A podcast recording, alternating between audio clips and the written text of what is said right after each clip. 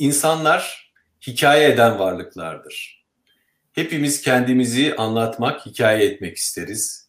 Sıkıntımızı, derdimizi, tasamızı bir şekilde kelimelere dökmek isteriz.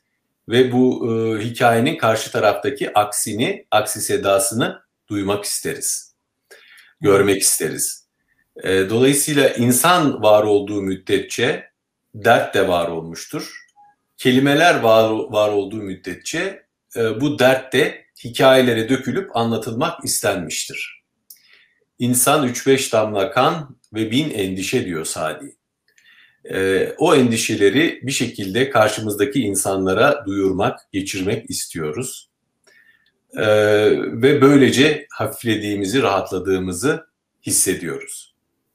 E, geçmiş çağlarda dert dinleyiciler muhakkak vardı.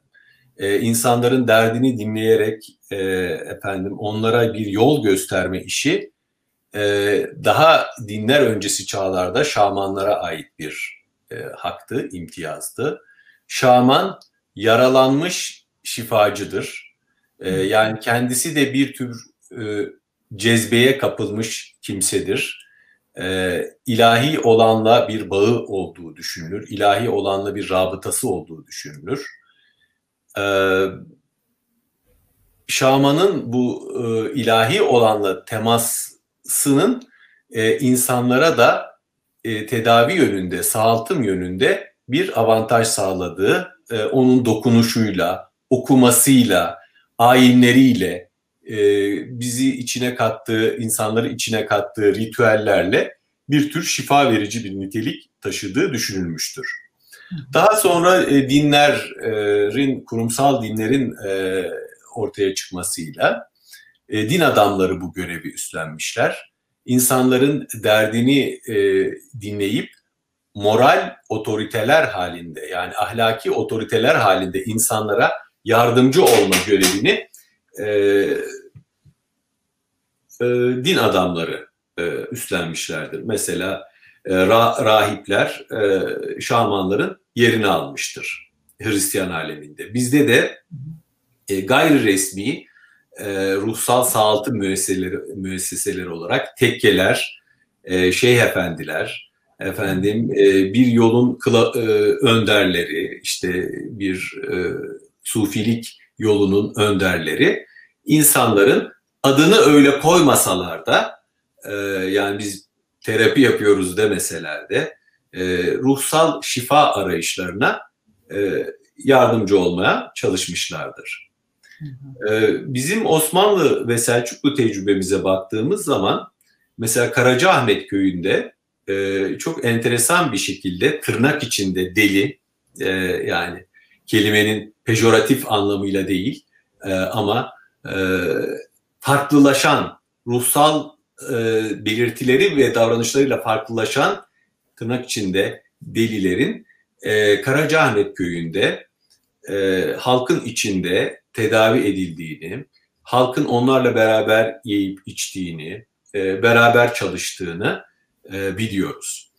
Bizim geleneksel kültürümüze mesela baktığınız zaman meczup asla pejoratif bir şey değildir. Meczup Allah'ın cezbesine kapılmış ve e, o cezbeyle e, bazı bizim eremediğimiz hakikatlere ermiş ve e, biraz da o hakikatlerin ışığında farklı davranabilen e, bir kimsedir. E, o yüzden e, mesela Orta Çağ'da e, tırnak içinde yine kullanıyorum deliler e, yakılırken e, efendim e, cadı olarak avlanırken e, bizim e, 800'lü 900'lü yıllarda Kahire'de Şam'da e, büyük hastanelerimiz vardı. Ruhsal e, tedavi e, yapan hastanelerimiz vardı. E, ve bu hastanelerde e, Michael Dawes'un e, ünlü kitabı Mecnun e, da anlattığı gibi Türkçe'ye de çevrildi bu çok muhteşem eser. E, koku terapisi, terapisinden, koku tedavisinden efendim e, müzik tedavisine kadar e, her türlü değişik e, terapiler yürürlüğe konuyordu.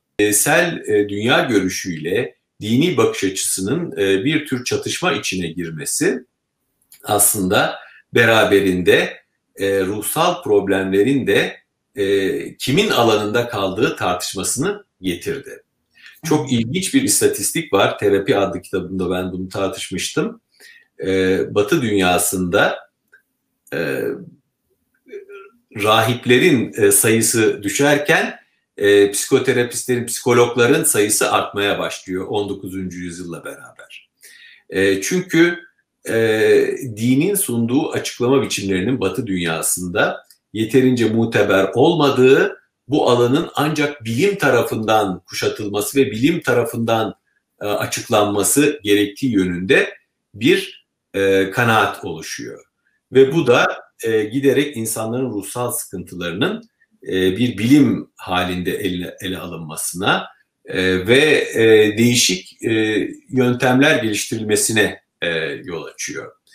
İşte Freud'la beraber bilinç dışı dediğimiz e, bir e, alan tarif ediliyor. Yani insanın e, görünürdeki davranışlarının e, görünmez bazı kuvvetlerin tesirinde ortaya çıktığına dair e, bir kanaat beliriyor. Aslında e, çok enteresan bir şekilde işte Kopernik e, devrimi denen süreçle e, başlayan bir şekilde e, biz evrenin e, merkezinde dünyanın olmadığını fark ediyoruz.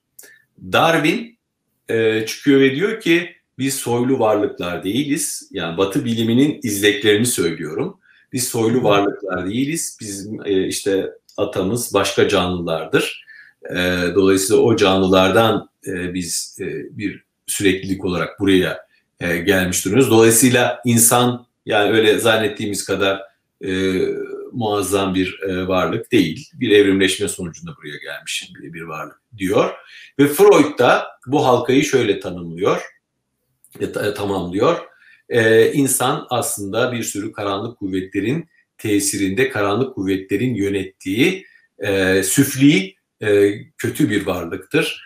E, bilinç altında bir sürü gul yabaniler cirit atmaktadır e, diyerek aslında biraz da e, daha e, ilahiyat merkezli, e, din merkezli bakış açısını ters yüz eden bir e, yeni bakış açısı getiriyorlar. Yeni bilimsel e, bakış açısı getiriyorlar. O dönemin e, bilimiyle e, getiriyorlar bunu.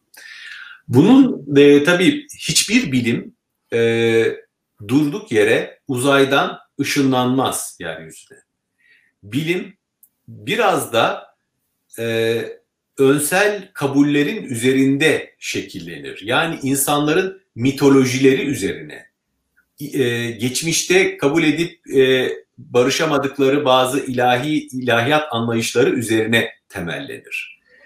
E, yani mesela bugün Freud üzerine yazan kimi kültürel yorumcular e, psikanalizin köklerinde kabalacılığın e, izleri olduğunu söylerler.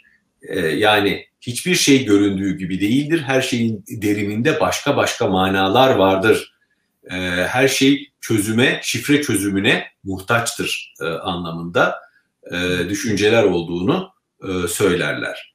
E, yine protestan mitolojisinin de e, psikanalizin gelişiminde bazı tesirleri olduğu, mesela bazı kuramcıların e, ayrımlaşma, bağımsızlaşma kuramı olarak tarif ettiği çocuğun anneden babadan kendini ayırarak ayrı bir varlık olarak hayata devam etmesi yönündeki anlatının e, bir tür cennetten e, düşme e, metaforunun, e, o ilahiyat metaforunun çoğaltılması olduğunu söylerler.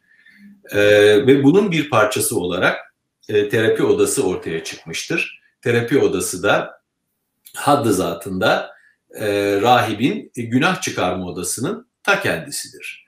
E, yani o, oradan türetilmiş bir e, zihniyeti. Bu tartışılır yani e, böyle olduğunu söyleyen yazarlar var diyeyim. Çok iddialı konuşmayayım.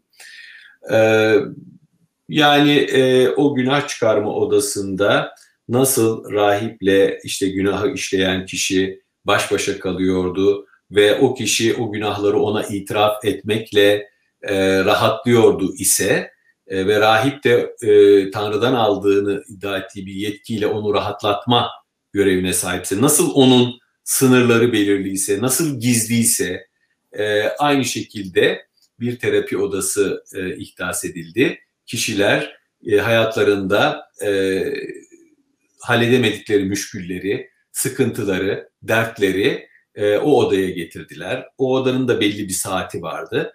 Fakat rahibin sunduğu hizmetten biraz farklı olarak e, daha ticari bir ilişki e, da burada söz konusuydu. Bir hizmet verimi, hizmet alımı şeklinde kurgulanmıştı. Bunun da e, gerekçesi olarak e, kişinin bir rahibe duyduğu gibi bir minnet hissiyle oradan ayrılmaması gerektiği, e, nasıl e, bir hizmeti alırken para ödüyorsa bu hizmet içinde asla bir minnet hissetmemesi gerektiği, bunu e, parayla bir değiş tokuş yapmak suretiyle bu minnet hissinden kurtulduğu bir hizmeti satın aldığı yönünde görüşler vardı. Yani netice itibarıyla terapi dediğimiz şey aslında modern bir itiraf odasıdır. E, fakat bu sefer e, yol gösteren kişi bir rahip değil.